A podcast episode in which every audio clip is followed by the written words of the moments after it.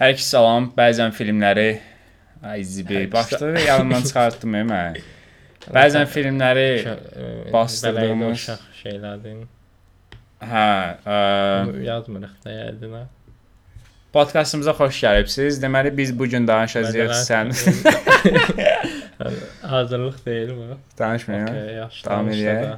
Da. Davam edirəm. Başda belə idi uşaqda biraz ofensif. Yo yo bu Okay. birincini başa düşənlər başa düşdülər yəni. Okay. Birinciyə 30 qulaq saniyə asanlar. getdi, hə, başda. Ə, bu bu epizodda biz danışacağıq sən mənim ilk 4 epizodundan, bir də ki ə, Bullet Train.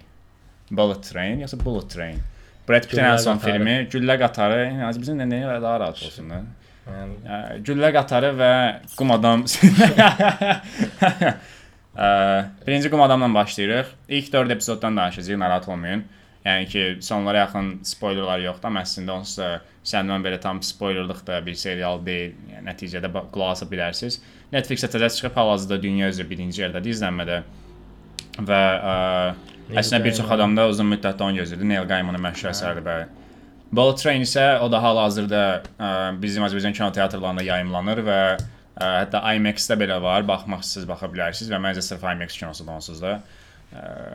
Belə, birinci Səlmanla başlayaq. Elşən nə fikirləşirsən kino barədə? okay. Serial barədə daha doğrusu. Heç komiksini oxumusan heç şey. Yox. Yox. Mən belə o vaxt biraz baxmışdım, indi elə belə dedim, bir də göz atdım görüm eyniliklər falan. Biraz fərqlidir bəzi şeylər. E, Pozitiv mənada, yoxsa neqativ mənada? Pozitiv və neqativ şey deyəməyəcəm, yəni. Yəni yaxşı mənada ya da pis mənada prosta fərqlidirlər, yəni. E, o da yəni Neil Gaiman özü yəqin istəyir fərqli olmasın. Neil Gaiman onsuz da birbaşa screenplay. Hə. supervisionu Aynen. eləyib yəni, supervizor. Eynən, yəni çox şey məs şeydir, məsələn, serialda uşaq var, ata uşağına pis davranır, sonra uşaq xilas edir. Burada komiksdə elə deyil. Ata da ölür, qocalıb ölür, sonra uşaq da atası kimi bir şey olur. Elə o da deyir ki, mən də cavan ölümsüz eləməliyəm okay. falan. Aa, komiksdə geydi uşaq. Yox. Okay. Komiksdə şey Mən açıqla burada da biraz o, o şeylərə baxdım. Biz çünki biz necə komiksdə heç nə görünmür. normaldan qat-qat daha çox. Hə, okay. Normalda daha qat-qat daha çox belə o orientasiya məsələləri var idi serialda və mən fikirləşdim ki, görəsən komiksdə də belədir, yoxsa sadəcə bunlar həmişə kimi Netflix əlavələridir, amma deyəsən Netflix əlavələridir. Narahat olmadım açıq, amma Amma- mən əmin idim ki, Qaymanın əsərində belə olmayıb da bu qədər. E, Mən də Gaiman özü də şey adam deyil yəni. E, Yox deyil. O onsuz da Əsərlərində hə, o yoxdur. onsuz da deyib ki, yəni biz bunu sadəcə ə, biraz da tam modern dövrün adaptasiyasıdır da. Yəni köhnə olduğu falan hiss olunmur heç cürə. Məsələn, serialın iç bölümündə o e, təkərli stol nə deyirlər? Təkərli stol. E, əlli arabası. Hə, əlli arabası. Aha. Əlli arabası ilə pozur. Onu bilərək eləyirəm orada deyəsən. Çünki sönüb baxış atır falan. Əl arabası ilə pozur. Hə. Orada eləyirəm. yəni tam olaraq bilərək eləyib eləmədiyini hiss eləmirəm. Bilərək səhvən eləyirlər. Ha ki, bu amma elədiyini bilir də. Ən azından qayıdıb baxır, görür ki, o pozulub. şey, reaksiya vermir. Bunun Pol eləyirsən baxış atır Aha. Yəni ən azından elədiyini bilir. Həm Bu də- arada Eşən sadəcə 4 bölümə baxıb mən bütün sezonu bitirdim bir günə. Həyatsız sən. Sən 4 bölüm baxıbsan, sonsa epizod epizod gedək. Birinci epizoddan danışaq. Başda nələr olur? Sən sən başla da mən danışım. Okay, birinci epizodda əslində mən çox bəyəndim. Necə? Ə, mən gözləyirdim ki, hətta mən fikirləşirəm ki, daha da uzun eləyə bilərdilər. Çünki bölüm bitəndə mən fikirləşdim ki, 50 dəqiqə. deyəsən mən kinoya baxdım yəni. Amma sadəcə 50 dəqiqəlik bir bölüm idi. Bilmirəm bu pozitivdir yoxsa neqativdir yoxsa yox. Amma mən həqiqətən komiks adaptasiyalarının belə olmağını istəyirəm. Yəni çünki mən o birinci, ikinci, üçüncü, dördüncü, beşinci epizoda qədər hər epizodda bunun komiks adaptasiyası olduğunu hiss eləyirdim. Yəni hər kadrdan, aktyorların reaksiyalarından, ümumiyyətlə orada hətta arxa fonda voice over eləyirdi də Sandman. Oradakı məsələlərdən və s. mən hiss, çox hiss edirdim bu komiksə. Sanki hətta komiks oxuyurdum belə. Səhnə dəyişəndə mən vərəqləyirəm və bu mənə çox xoşuma gəlirdi. komik estetikası deyirlər də ona deyəsən. Və o məsəl üçün bunu son dövrlərin komiks filmlərində falan görmürük də. Biz biz bunu görmüşdük ilə Watchmen, Sin City, bir də ki Spider-Verse. Spider-Verse-də var idi, ha, o komiks adaptasiyası. Yəni bu adamlar öz. Mənşələrinə hörmət edirdilər də. Watchmen çox oxşayırdı. City tamamilə onsuz da komiks kimi bir şeydir. Komiksin canlandırması e, kimi bir Alan şeydir. Moore yazmışdı Watchmen. Da Neil Gaiman en çok ilham aldığı yazıçılardan biridir. Ha, Onun yəni, da bəli. təsiri ola bilər. Hətta Hətta Mənim ağlımda biri də var sadəcə o indi yadıma gəlmir ki, yaxşı komiks adaptasiyası kimi. sonra yadımıza gələr yəqin. Konstantin personajı var məsələn, qadın olan. O- o Onun qadın olması çox qəşəng idi ha. Mən gördüm oğlan imiş o. E, Komiksə qadındır deyə. Komiksdə də qadındır. John Constantine'in qızı kimidir də deyəsən. Ha, Neil okey. Gaiman onu John Constantine e, komiksini Alan Moore yazıb. Aha. Bu bizim qaqaşın adı nə idi? Neil Gaiman da ona hörmət olaraq belə bir şey yazır. Amma çox qəşəng personajdır Constantine və ə, sən onsuz birbaşa deyirsən 3-cü bölümə gəldin. elə belə Arada bir ilə iki Hələ getdi ki, Neil. Gaimanı deyirdim. Okey. Gələrik, birə O- qayıt, birə qayıt. Aktyor seçimləri necədir səncə? Aa şey, Mən qaqaş çox bəyəndim, bilmirəm niyə. Aha, hara tullandın? Ee, Harry Potter'dəki dayın adı nə idi? A, tullanma da, tullanma, gözdə gələr Aktyor yora. seçimi deyil. Tullama sən David Hewlett. Eynən. okey, ondan başladı. Prosta birinci əsas obrazdan başladı. Sən mən, mən də yaxşı idi. Yəni o edgy personajı çox qəşəng oynayır. biraz da kiməsə oxşayır belə. Bilmirəm. Deyəsən şeyə o Tumblr döv Tumblr filmləri dövrünə qayıtdıq. E. Robert Pattinson belə Eynən, emo, edgy Sherlock falan. oxşayır. Burada da edgy falan biraz Sherlock vibe da verirdi verirdi. Açıq mən O Sherlock Sherlock çox danışır. E. Öyle çox danışmır. Belə hər şeyi bilirmiş kimi O, davranır. onu çox belə tam o deyir. Onsa Neil Gaiman baxıb deyib ki, aktyora, yəni sən onsuz da ə, olmaz. sifətin şeydir, pale, pale nə deyir bizim? E, düz e, bal fəvari. Nə? Nəysə, Nəysə. solğun. Sol- Sifətin solğun, saçların dağınıq falan, sən bu rol üçün idealsan falan deyib. Jones da o, o çox hiss olunur. Yəni adam vampir də elə bil, nəinki tanrı. Eynən, tam ağ, çox ağ. Və bilirsən də mən o 2010-ların Tumblr filmlərini Eynən, bilirəm. xoşuma gəlir. Ə, Twilight falan. Çox həzz alırdım. Konkret o Twilight vibe da var idi onsuz. Biraz hava falan da elədi. Amma bax o ilk epizodlarda belə bulur falan var idi. Yağış, bulur effekti. Sonra da o bulur effekti yavaş-yavaş düzəlir. Sonra yenə müəyyən səhnələrdə yağış yağır. Onsuz da mən Constantine-i görəndə onun adını eşidəndə bilsən necə həzz aldım və dedim ki, yes. Okay. Açıq mən çünki mən komiksdə də oxumamışdım, bilmirdim nə belə bir personaj var. Yəni birinci dəfə də eşidirəm. John şey də işləmirsən, Keanu Reeves oynayan da John Constantine. Amma mənim sevdiyim filmlərdən biridir. Elə Məsələn, o- ha, elə mən onu deyəcəydim ki, Konstantin özü də mükəmməl komiks adaptasiyasıdır. Eynən. Komiksində var ya, John'un özü də var bu arada. Elə belə baxdım. Serialda hələ ki yoxdur. Ha, okey. Çünki mən hətta şeyin ə, Konstantinin özünün də komiksini oxumadan kinosuna baxmışdım. Və komiksini oxuyanlar ağlaşma qururdular ki, nəyim niyə sarışın deyil, Konstantin sarışındır falan filan. Oralar mənim vecimə deyil. də. Məncə Reeves mükəmməl idi. Konstantini bir dəfə oynayır. harda serialda falan oynayıb deyəsən. Ha, okey, Elə bunu bilmirəm. Amma Əmin deyil, əmindir. Hə, Ha, bu arada sən məndə vampirlər var. Olmamış olmaz ya var. məncə.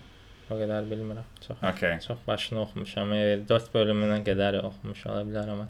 Okey, məncə birinci, ikinci Qarğaları bölümləri falan görmüşəm. Ha, yox, bunu keçməyək. yaxşı seçiblər məsələn Castle. Matthew çox qəşəngdir. Eynən, ondan qabaqçı da pis deyildi. Aa, Ördək. O, hə, qarğa, məncə də qəşəng qarğa idi yəni. Qarğa deyil bu arada, o başqa şeydir. Raven dedi də. Raven da qarğadır. Kral nədir bəs? O qara. Biz iki sənə Biz iki sənə qarğa aydı. Odinin qarğaları demirlər. Biz iki sənə qarğa deyirik hə, bizim dildə. Kralla Raven eyni şeydir. hə. Odinin qarğaları. Məncə fərqi var ya, amma Biri dişi biri erkəkdir bəlkə. ha, Ola bilər. okey. Onda Uydururam ailə. birinci- ailədən. birinci qadın idi, onda Jeremy. Jeremy idi, yoxsa Jeremiah. şey. Hə, daha belə səbəbi. ki, bilmədim. Okey. Matthew zordur amma, Matthew çox da istəyir. Eynən, tam belə komiks gülməli adam. Ha. Groot. Ən azından I am Groot demir də, I am I am Matthew. Matthew. Qara- O da qara. Bir də arada belə qarğa səs də Eynən. çıxardır danışa danışa. Qaq eləyir, sonra danışır falan. Rick and Morty sayağı. Corinthian aktyor da superdir. Kim? Corinthian. Var idi açıqlı qatil. Ha, ha, o. Ha, sən hələ onun Bad əsas boy. şeylərini görməyibsən belə. Bad boy olan. Ha. 4-cü bölümdən sonra daha çox şeylər var da. Mən Ümumi bu arada belə bir şey deyim. Serial 5-ci bölümə qədər mükəmməldir məncə. 5-ci bölümdən sonra başqa bir arka girir. Okay. 3-cü bölümə keçək Constantine. 2-dən olmuşdu yadımda. 1-lə 2-ni məncə danışdıq da. yatmışdım 1-2 eyni şeydir demək olar. biraz yatmışdım. Mən belə bu tərz fantastik o nağıl danışmaq kimi olan şeylərdə yatıram Ha, okay. normal olaraq. 2-də qardaşların yanına gedir o əjdahanı öldürdüyü Gregory. Qəşəng əjdaha idi. Ha. Şirin idi. Amma bəs effektlər yəni, effektlər necə idi? CGI Bəzi yerlərdə biraz nəsə. Netflix eləyirsən belə. Treylerdə mən ən çox hiss eləmədim. Treylerdə hətta mən elə baxdım belə ki, konkret kino kimi effektlər var da. Amma açıq indiki kinoların effektləri də belə çox yaxşı Yəni, deyil. Netflix işi kimi fikirləşdimə görə çox dildə almadım. Amma o Amma Netflix seriallar seriallar- kimi də deyil amma. Hə, yaxşıdır. Yəni şey deyil, gözə batmır ən azından. Aha. İçini boş verir onda. Əjdaha qəşəng idi, onu 3 deyirik. 3 Constantine. Constantine Hə, epizodu üç. çox ləzzət elədi mənə. Bayaqdan Constantine İçindən fanboy kimi falan çıxardırdılar o bölümdən. Hə, bir də o sevgilisi öldürüyor axırda da. Hə. Bax o realizmi çox sevirəm bə. Gedib xilas eləmir də. Yəni əlindən alır ki, yuxusunda rahat ölsün falan. Eynən. Yəni yoxsa Bir an indi dedim ki, xilas eləyir. mən də qorxdum belə ki, xilas edəcək falan, amma konkret öldü də. Qumu uğurladılar qaqaş. Və o şey bölüm onsa bunun hal-hazırda sən şeyini görürsən də, özünün toollarını axtardığı quest questləri görürsən. Ə, bu 5-ci bölümdə falan bu hissə bitir. 5-ci bölümdən sonra başqa hissə başlayır. Ona görə hər hansı questdən gedirik belə.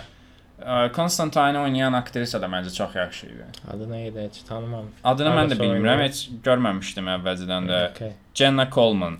Charles. Amma ə, hə, normalda məsəl üçün belə Netflix seriallarında falan o ə, yaxşı olmayan aktyor seçimi çox hiss olunur da mə- bəzi yerlərdə falan.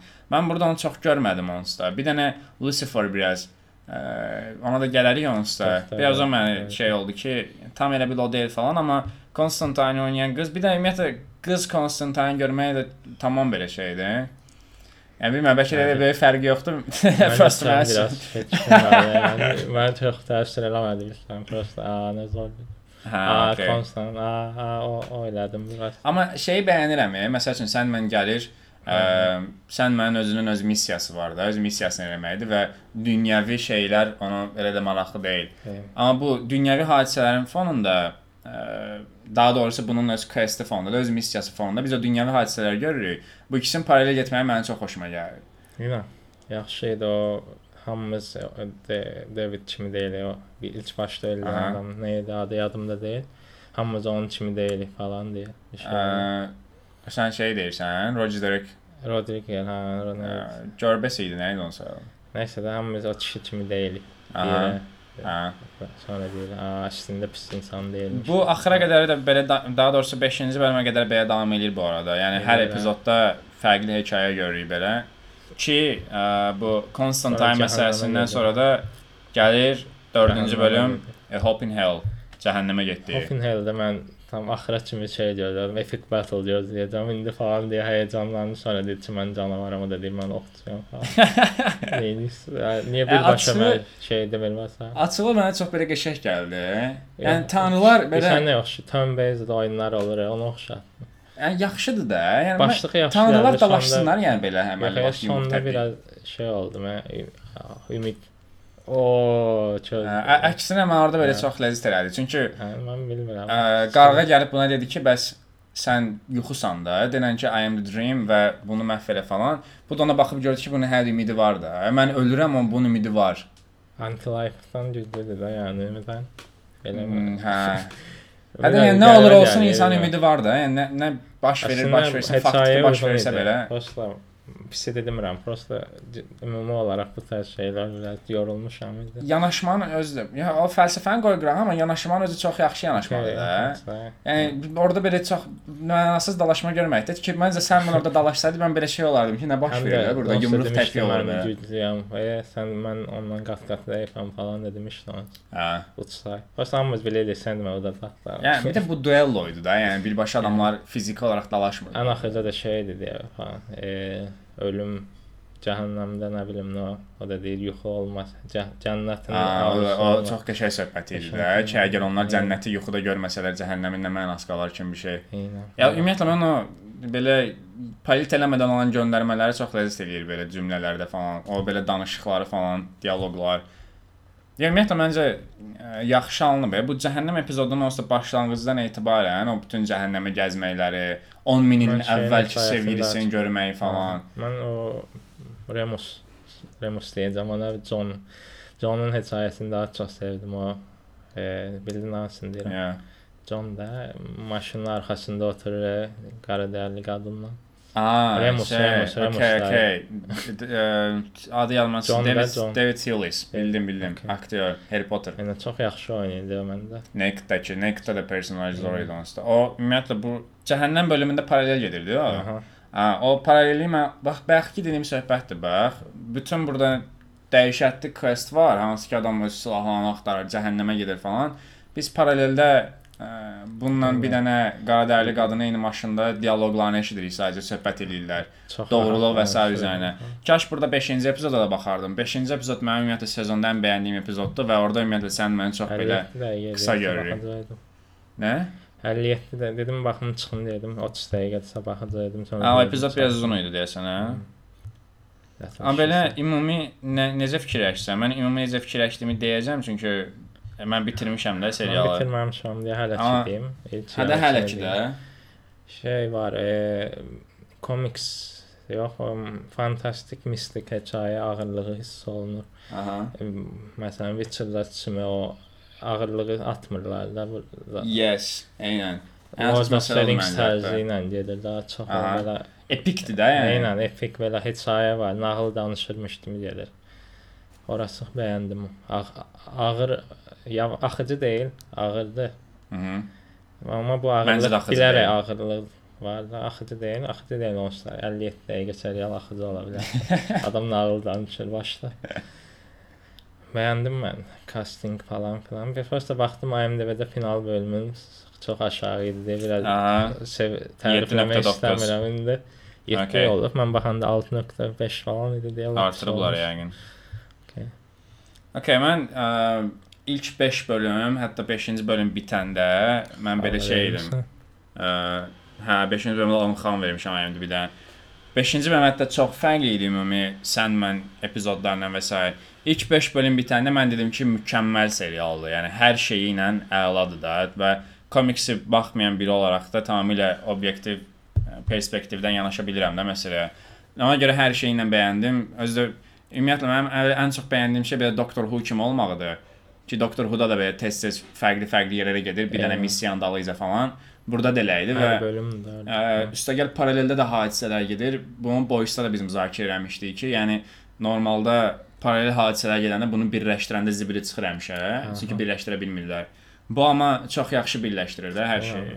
Bir hekayədə qopmursan. Çox ardı içimi gəlir. Aha. Məsələn, cəhənnəmdə dedilər, risk kəsilib o birinə keçmirsən. Ey, mən onun hekayəsini gözləyirdim, onu indi gözləyim falan olmursan.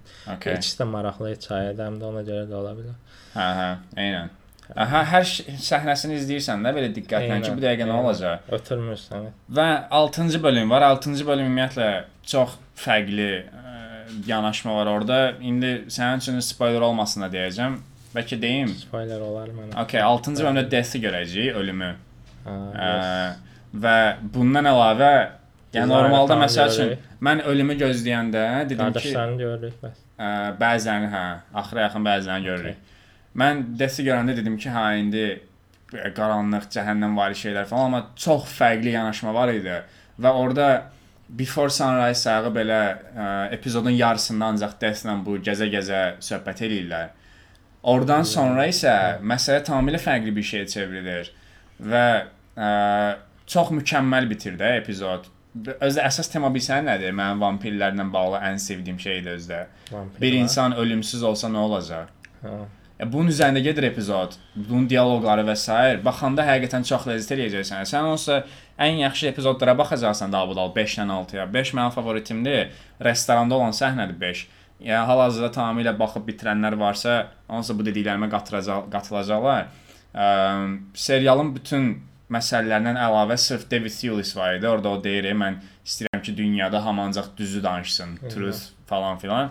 O orada kiçik belə bir yerdə, kiçik bir restoranda bu dediklərini eləyir və biz bunu elə sıfırdan görürük ki, hər bir personaja vaxt ayrılaraq hissə-hissə tamamilə işləyə-işləyə də Yəni orada həqiqətən mən hiss edirəm ki, burada əməlli başlı üzərində oturub yazıblar bunun ssenarisini. Aynen. Ə, ümumiyyətlə bu serial yayımlanmamışdan əvvəl bunun üzərində Joseph Gordon-Levitt işləyirdi, Neil Gaimanla və s. əlavə. Sonra Joseph Gordon-Levitt kreativ fərqliliklərə görə falan açıqlama verdi ki, mən ayrılıram burdan. Mən orada biraz qorxmuşdum ki, aha, deməli nəsə bir problem var. Sadəcə Neil Gaimanın özünün Tumblr hesabı var və orada ona gələn sualları cavablandırır. Ə, oradakı sualların cavablarını görəndən sonra ki, hansı ki Neil Gaiman hamısına deyirdi ki, narahat olmayın, hər şey qaydasında, da effektlər okeydir, ssenarini çox yaxşı yazmışıq və s. Mən ə, demişdim ki, yəni ən azından bu adam bəyənibsə baxdığını, deməli biz də bəyənəcəyik. senaryo, diyaloglar falan heç bir problem yoxdur yəni. Ucuz diyaloq yox idi. But orada bir kiçik bir amma var. 7-ci epizoddan sonra 7, 8, 9, 10 bir dənə quest başlayır. Arc-dır da elə bil. Ə, mən fikirləşirəm ki, bunun belə arklar olmasının səbəbi komik seriyası deyəsən uzundur. Tam baxmadım açığı. 76 bölüm falan. Oha. Və onda çox böyük ehtimalla Sandman və Sandman'ın arkalarıdır da belə arxa-arxaya hamısı. Və sən mən bir dənə deyil də çox var yəni. Okay. Və bu davamlı olaraq arklardır da. Onunla biz bundan sonraki sezonlarda da arklar görəcəyik. Mən çünki bunu gözləmirdim. Mən fikirləşirdim ki, müəyyən bir xətt var və bu xətt irəliləm olacaq. Arkları verib boşlat kimi sonradan heç ayını toparlayırdı. İndi belə oldu ki, bu sezon biz 2 dənə ark görürük. Ə, və kaş belə eləməzdilər. Bir sezona bir arka olardı. Çünki 7, 8, 9, 10 ə, tamamilə dəxilsiz gəlir belə. Ə, komiksə olan bir vortex mövzusu var. Onu işləməyə çalışırlar, amma məncə ə, çox tələsik formada eləyiblər ki, bunun detallarını gələn ə, podkast epizodumuzda bir yerdə danışarıq sən də bitirəndən sonra. Okay. Boys'un elədiyini eləyiblər yoxsa eləyə bilmədi, eləyə bildiyini eləyə bilməyib. The Boys-un. The Boys əslində biraz orada da Sən necə yanaş? One Piece-in arkaları var, e? Kimin? One Piece, Naruto falan Hə, bunların hə, hə. arkaları yüzlərlə ark var da, yəni Hə. həmişə fərqli hekayələr falan başlayır. Və bunu sən normalda öyrəşə-öyrəşə ə, həzm eləyirsən də. Hə. Bir ark bitəndə ikinci arkın başladığını hiss edirsən, deyirsən, "Okay, mən bunu dayandırım." Bu aktdır da. Sonra başlayaram Aynen. başqa bir seri, sezon kimi. Burada hiss olunmur. Durduq yerdə başqa bir ark başlayır birinci sezon ortasında. Və bu mənə çox belə şey elədi də ki, mən bayaq Hekayədən qopuruq. Yes, sözdə mən mən bir günə baxdım bunların hamısına. Şey oldum da belə biz hardaydıq, hara gəldik, yəni nə baş verir? Hə, Ona görə məncə insanlar da başa düşməyiblər ki, epizod yaxşı belə olsa, məsəl üçün axırıncı epizodda ki, əslində mən də çox bəyənməmişdim, amma qədər də pis deyil 7-9-luq. Analytics olur. Hədə insanlar şey olublar ki, incə bizim elədiyimiz söhbətlər nə idi, indi nə söhbət eləyirik. Eyvə. Okay, indi sən məndən hələlik bu qədər. Keçək bir Tövsiyə 1 edirsən, saat bundan əvvəl baxdığımız Bullet Train-ə. Sən mənə tamamilə tövsiyə edirəm. Özü də belə ə, edgy, philosophical, metafizik komiks şeylərini falan bəyənirsinizsə, ə, mütləq baxın belə qaranlıq, yağışlar, London, ingilis aksenti. Ha, bunu deyəcəydim tam belə fantastik hekayələrdə British çox önəmlidir. Çox ləzzət edir. Amerika olsa böyük ehtimal. ləzzət eləməz yəqin ki. Eynən. Bütün və də hamısı Britishdir. ya, Harry Potter'dir, Lord of the Rings'dir. Aa, həqiqətən. hə? E, nə 11 də var, Shadow and Bones falan. Bir dənə Witcher-dir ya Amerika. Adamlar yazırlar da, ədəbiyyatları var yəni. Eynən. Ya aktyorları falan da hamısı British olur, ləzzət eləyir belə. Hə. Amerikan aksenti heç deyil. Amerikanı elə çıxartsınlar tapandan dış bu dış bu dış. O Corinthian Amerikan aksentindən danışırdı amma Eynən. o. o hiss olunur onsuz da belə bit fasondan falan. Corinthianla bağlı mükəmməl şeylər olacaq bu arada, baxanda görəcəksən. Keçdiyi güllər. Keçək Bullet Train-ə, güllə qatarı. Nə düşünürsən? E, nə düşünürəm? Əyləndim mən. Açıq mən də əyləndim. Amma açıq onu biz seçdik. Ə, danışacağımız kino olaraq. Hı -hı. Kino bitəndən sonra mən fikirləşdim ki, biz niyə belə ancaq son çıxan kinoları seçirik? Onu mən də bilmirəm. Prosta yazdım. Əvvəlki arada bir səliqəli yaxşı kinolara baxaq, yəni belə bitəndən sonra əməlli başlı danışacağımız, özümüzün nə söylənəcəyimizi, insanların nə söylənə biləcəyi bir şey. Onsuz 3 nəfəri dinləyir yəni. Vay, 2 nəfər getdi. İkisi də bizi yansıda. bir nəfər oturur orada belə çayını içə-içə bizə qulaq asır. Və adam çox sağ ki, həqiqətən bizə qulaq. Yəni, 25 dəqiqə. Arada ota da toxum falan. Artıq. Aha, Bullet Train. Hə, şey, hə, niyə baxmırıq? Mən də bizim də hə, vaxt falan problemi. Kino teatra gedib baxırıq axı. Heç nə Hə. məşğul eləmir. İnternet problemi yox. Aktivite Kimsə olur. zəng eləyib, cəbdən gətirib bilər. Bəlkə bir dəfə bütün hamı ilə gedək baxaq və sonra ə, elə həmin adamlarla yığışaq. Biz danışaq podkast edirik, onlar da qulaq assınlar. Nəysə sonra şey durduq Okay. yerə işləmə açmaq başladı. Hə. Bullet Train. Mən açığı hekayənin ssenarini çox kaotik. bəyəndim. Eynən çox xaotik amma səliqəli bir hekayə var. Hə, ssenarini yazan, özdə mən ssenarini yazana baxdım. Bundan əvvəl də elə dəhşətli ssenariləri olmayıb. Ə, yəni bu demək olar yazdığı ən əsas ssenarilərdən biridir karyerası boyu və ya yaxşı yazıb əslində. Mən bu serial kinodan çox belə Knives Out vibe aldım. Bilmirəm Knives Out-a baxmışdın yoxsa yox? Və mən? Knives Out var idi. Ha, yox, baxmadım, bildim, Chris. Evans falan, Ana de Armas falan. Eynən bildim. O da belə detektiv sayağı idi. Və burada Orada da da mən ən çox bəyəndiyim məsələ bilsən necə oldu? Detektivliyi də var. Ə, action da var və actionda John Wick sayağı actiondır. Eynən. Bu ikisi birləşəndə çox qəşəng bir şey oldu. Mən bunu görəndə heç şey yadıma düşdü. Axırında baxdım, Greymanın nə qədər pis olduğu bir də Eynən. Bax mən əslində bunu demək istirdim. Hətta Aha, beynimə də yazmışdım ki, bu cümləni quracağam. Bu kino The Grey Man olmaq istədiyi amma ola bilmədiyi kinodur. Eynən. Tam odur. Konkret. Və yəni. orada 70 dənə məkan yoxdur, bir dənə qatar var və adamlar qatarın içini tamamilə istifadə edirlər. Hər şeyindən özdə ha. Yəni qatardakı hər elementdən istifadə olunub. Stewardessadan belə istifadə olunub. Yəni. Yəni unitazdan belə unitazdan belə çox istifadə eləmişdi. Hə, belə yəni- olmalıdır. Əslində Greyman-da nəyim gəlir Bakıya prosta oturur bir qrafda. Bangkoka gedir klubda dalaşırlar falan. Yəni sən əgər gedəndə o ölkənin elementlərini falan, ora necə getdiyini və s. danışmayacaqsan, sonra daha çox getməyin nə yerə mənası var? getmişdim hesabladım uşaq. Ha, eynən ha. Əslində daha çox yer var idi əslində. 3-4 dənə şəhər var idi də. Desən bir şəhər var idi əslində, prosta stansiya var idi yəni. Başlarda da bir e, Braziliya, Braziliya gördük. Hə, Boliviya idi, Braziliya, Boliviya. Personajlar çox qəşəng idi. Yəni, o- Subtulkasın belə arka var idi yəni. Zəncilər necə Nə dedin? zəncilər Zənci qatı. Zənci və ağ. Qaradərli demək. Qadərli bəli. Əslində o fərqi yoxdur bir amma Nəysə. Bu zənci Z-word olmamalı. Son deyil. uşaqlar. Okey. Ha, nəysə. Hə, əkiz Okey, qardaş. okey. Bizi dinləyən qadərlər varsa üzr istəyirəm.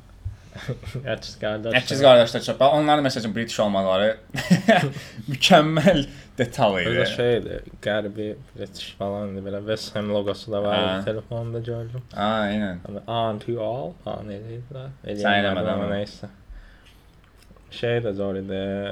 Subtulkasın belə şəkayəti vardı, onu dedim deyəsən yenə. Dedin, dedin. Wolf falan belə arada çox mənasız adamlar Axırdakı twistləri iki çox bəyəndim. ölüb gedirlər falan. Və onlar da background verirdi də amma. Eynən verir. İlk ilk ilk səhnədə televizorda xəbər çıxdı ki, ilan oğurlanıb.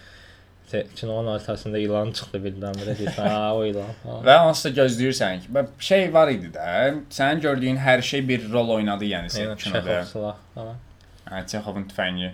Eynən. Yəni nəyi görürüksə hamısı ən sonda rol oynayır belə. Də çox gülməli səhnələr var idi. O Əks qardaş kimi təqlid eləyir Brad Pitt. Ona açır belə sumkanın içindən alt paltarları düşür. Mükəmməl səhnə idi. Eee, hmm, adı nə idi? Thomasin qatarları. Hə. Yəni o da. Mən ümumiyyətlə çox kompozisiyanı və detalları çox bəyəndim. Yəni Yaponiya Yəni belə şey olursan da, birinci Yakuza. baxırsan ki, niyə Yaponiya falan, sonra görürsən niyə. Yaponiya. Ə, Yaponiyadakı anime detalları. Məsəl üçün bir yerdə o oyuncaq paltarını geyinən qızlar qabaq-qabağa gəlir, ona vurur falan. O məsəl üçün normal şana gülməli detalmış kimi keçib gedə bilərdi, amma biz sonra onun içindən qız çıxdı yəni. Adam öldürən oyuncu. şey olursan, elə nə? Ən sonda məsəl üçün bir anlıq şübhəyə qatıldım, o qızı öldü, maşın vurdu Eynən. axırda. Dedim ayda bu niyə random öldü ki, bunu qəsdən belə elədilər görsən falan. Sonra onu da bağladılar ki, bəs Eynən. Qaradərli çıxıb Hə, sudan güllələyib birini gedib maşını dayandırıb gəlib vurub bunu yəni. Yəni göstərilən heç bir şey e, ekranda qalmadı. Yəni harasa bağlandı hər şey. Ona görə deyirdim də, elə Knives Out kimidir. Knives Out məsəl üçün detektiv filmi idi və orada da ə, edilən hər bir dialoq, hər bir söhbət və bütün personajlar bir rol oynayır. Və bu arada Michael Shannon mükəmməl aktyordur. Bilirsən hansı idi? Ə, White Death. Hə, hə. O Knives Out-da idi. var o. Mən onun pis rolunu görməmişəm, deyəsən? Şey də pis oynamadı. E, e, qoca Elder, Elder. Hə, realdır. O çox qəşəng idi. O şey də oldu. Çox cool idi yəni. nəsihət O da məncə verir. boş bir şey deyildi. Adam gəldi. verir, sonra açdım ciddi almır falan, orası zor idi. O adamın nəvəsini atırlar falan. Oradan necə hekayə yakuzaya bağlanan sən demə, əvvəlcədən 5 dəfə göstərilən şeydə adam buymuş adı. Hə. Qəşəng bağlayırlar hər şey bir-birinə. Deadpool'un yazarı da, e, Hə, o- yazarı yox. Deadpool'un da rejissoru var. hiss olunur. Bir də bu ə, orada arada Ryan Reynolds gördük. Eynən, bir saniyə. O Ryan Deadpool'un rejissoru da axı, yəni oradan tanışdı falan. Bir də ki ə, şey də var idi. Bu gay Deadpool'da- zarafat eləyən oğlan var idi Qatarda. Hə, hə. Adı yadımdan çıxdı sadəcə. O Sandra Bullock, bir də ki Brad Pitt yaxınında bir dənə kinoları falan çıxdı axı. Elə bil bütün dostlar yığılıb belə. Yəni, Və rejissor əvvəllər stuntman olub. Və Brad Pitt'in demək olar bütün kinolarında Fight Club-da daxil olmaqla hamısında stuntmanlik eləyib də. Hə. Yəni bu adamlar elə bir belə dost qrupu yığılıblar və deyirlər ki, okey bir dənə kino çəkirik. Brad Pitt var idi 1-2 saniyəli yadımda. Eynən, eynən. Belə cameo Eynən. kimi. Şey və nəysə nə deyəcəm bilmirəm. Prosta cümləyə başladım hə. Ümumi olaraq məncə yəni tam Hə, gedib belə dostlarınla əylənəsi baxa film idi də. Bir dənə sonlara doğru biraz effektlər, qəribə-qəribə şeylər oldu. Elə O məncə axırıncı səhnə biraz yəni ə, çox yaşlı ekran. artıq səhnə idi. Elə bil, yəni şey mənada artıq sonradan çəkilmişmiş kimi. Yəni, bilsən nə oldu məndə? Bütün pulu qatar səhnəsinə veriblər, sonra deyiblər, ayda indi nə pul qalmayıb. Heç nə yaşlı ekranı çətin biraz mən əlavə eləyəcəm sonradan. Action filmləri niyə ümumiyyətlə belə eləmirlər hamısını? Yəni nə qədər olardı? O James Bond, nə bilim, ə, Mission Impossible ya da ki, çox vaxtımız. Grey Man. Elə də çox deyil. e. Kingsman var, Knives Out. John Wick var, Knives Out detektiv filmidir, onu qoy qırağa. Başqa heç nə yoxdur ki belə. Bir də The Other Guys var idi. Orada da Ryan Reynolds-la Ryan Reynolds yox, Ryan Gosling-la ə, Gladiator bir yerdə oynayırdılar. Russell Crowe. Russell Crowe bəli. Məsələn o da tam belə uyğun idi də. Həm- Plus da ki kinonun dialoqları da çox qəşəng idi. Zarafatların həqiqətən bir mənası var idi, yəni gülürdüm mən zarafatlara. Hətta bəzən başa düşmürdüm ümumiyyətlə ingilis dilində aksentlə Hə, olub danışdıqlarına görə, British aksentinə görə. Beynim yandı orada. Yəni də birincidən öyrəşməyə çalışırsan belə alt yazılı yoxdur ya. Ha, bir yerdə çox güldü. O yerə yadıma salamıram indi. Mən hər yerdə çox güldüm, ey Bir yerdə belə dördümüz də e, nəsə çox səsli şəkildə güldü. Nəysə sonra. Yəni hər yerdə mənim öz səsim Sən heç sən həmiş ən sadə şey belə zarafata belə gülmə. Nəsə anime gördüm başladın gülməyə falan. Niyə güldüm bilmirəm amma heç. Hə bir dənə şey biraz arada çox fantaziyanın dibinə qalxdılar belə adam sürət qatarının üstünə dırmaşaraq çıxıb pəncərəni Hə, o səhnə, o səhnə. O səhnə olmazdı kaş.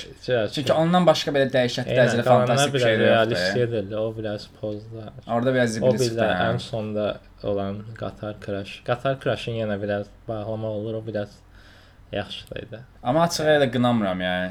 Qatar sürət qatarının qaça-qaça gəlib tullanıb ucundan tutub Sonra şüşəni qırıb içəri girmək. eynə biraz ağır. Amma o aktyor mükəmməl idi, o personaj ümumiyyətlə. Aaron Taylor Aaron Taylor Johnson. Kaş ölməzdi.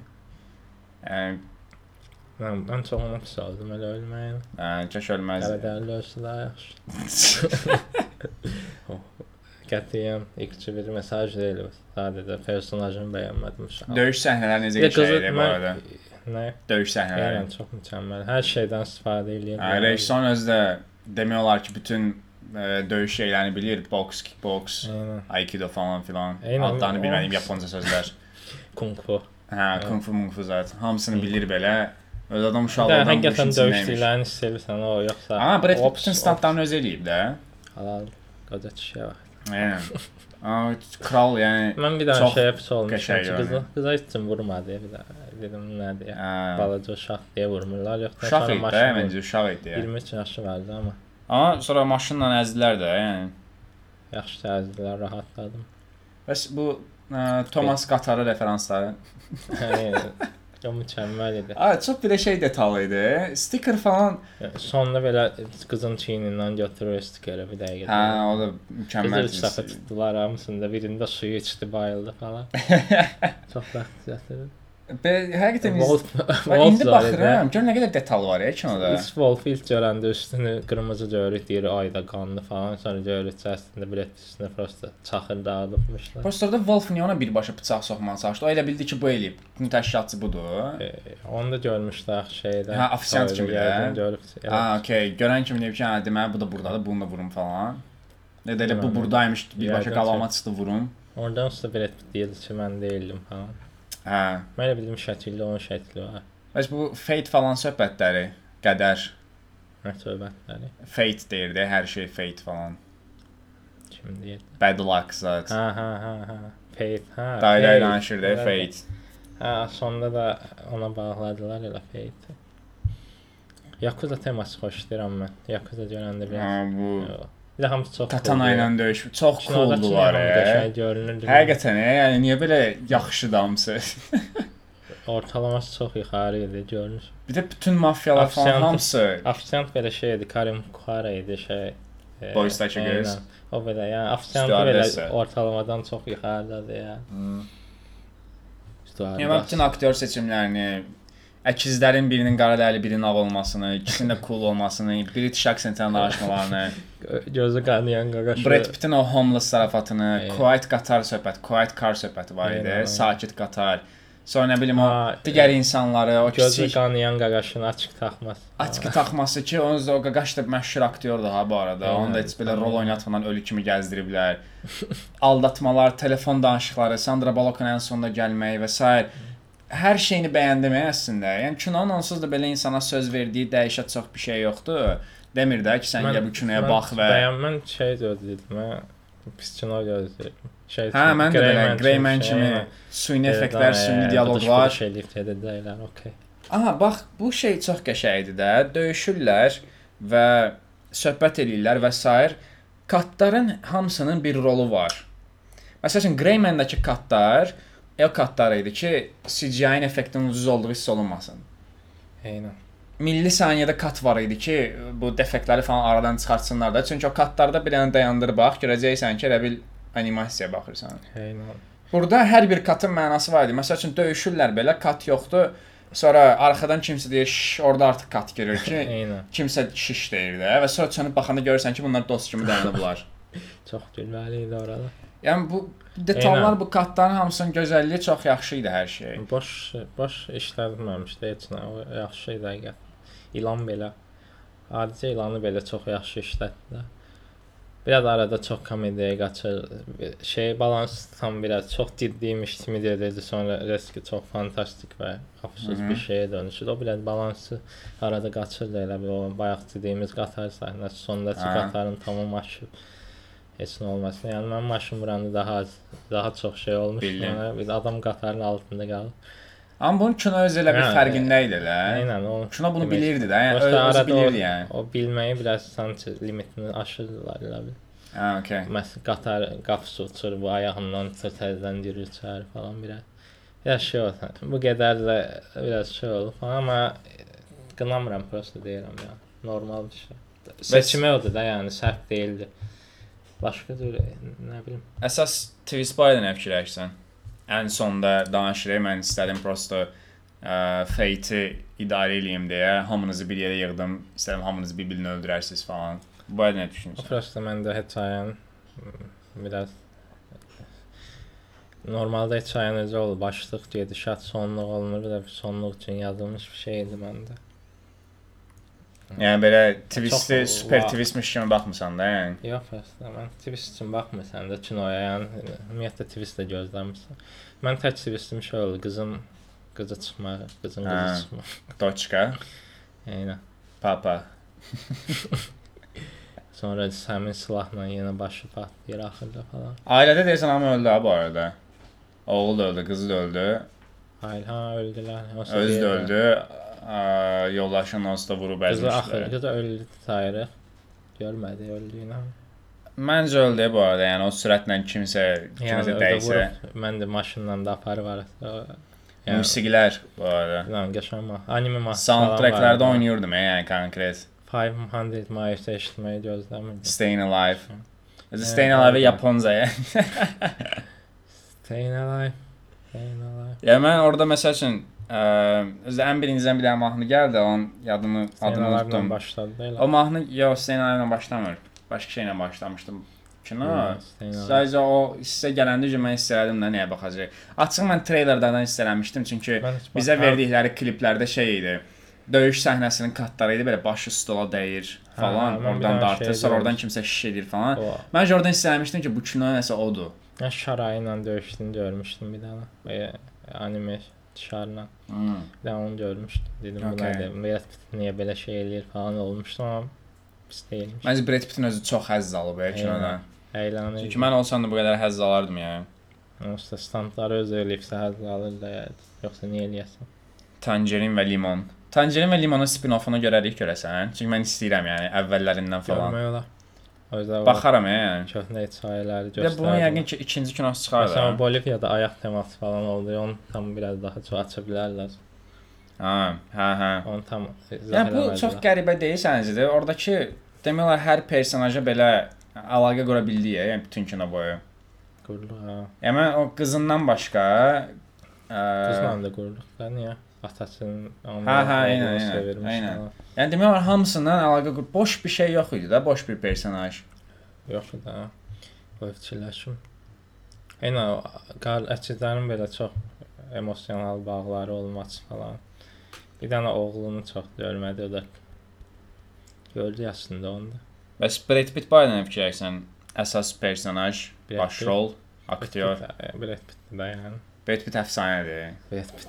Ya adam- nə deyə bilər? Adamı gördüyü an sonuncu dəfə Ad Astra, ə, Once Upon a Time in Hollywood və Oscar hər cürə rolda oynaya bilirdi adam. Eynən. Yəni çox idealdır. Və çox yaraşıqlı. Qısqanıram ya, la, səsi falan hər şeyinlə olduğu hər səhnəni uğurlayırdı və vitfasonu nə gündə olur olsun qəşəngdir hər cəhətdən. Yəni çalışırlar elə yara üstündə ilan var və adam unitazlar da yəni yaraşıqlıdır. Mən əlimdə ilanla unitaza girsəm necə görünərəm deyəsən məsələn. Jeff Bridges kimi idi də, de, ə, Lebowski-də kimi Hmm. və çox yaxşı idi yəni. Bir də hamısı kişi idi indi fikir. Yəni şey var idi, qız var idi bir dənə balaca.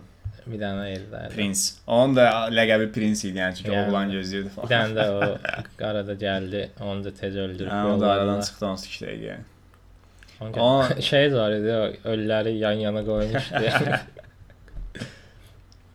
Hə, məncə baxmağa dəyər və ə, nə vaxtsa kino teatrda vaxt keçirmək istəyir dostlarınızla yaxşı bir kinoya baxıb Sizə dostlarınızla gedin mən. də. gülüb əylənmək istəyirsinizsə baxın. Bir də Brad Pitt var ya, yəni nəyi müzakirə edirik? Yala dağılışa verirsiniz. Kino baş personajı Brad Hə. Pitt ala yəni. Brad Pitt var. Adam John Wick sayağı kinoda action göstərir, cəmaatla dalaşır. Yəni bundan başqa nə gözəl mənzərə ola bilər ki? Pitt animeyə baxır. Wow. Belə Qutaraq. bizdə bu günlük bu qədər. Sən mənə də tövsiyə eləyirik Brad Pitt-in də Brad Pitt yox. Brad Pitt-i də eləyirik əslində, amma Bullet Train-i də eləyirik. Qəşəng dadı var. Bizim də sən tövsiyə tövsiyə eləmədiyimiz nəsə olacaq görəsən. The Grey məni qətiyyən tövsiyə eləmirik. Vaxtınızı öldürməyin inşallah. Yəni vaxt qızıldı və buna görə də biz podkastımızı 42 dayandırırıq. Qəşəng sonluq eləyirəm də, Allah, eləsən.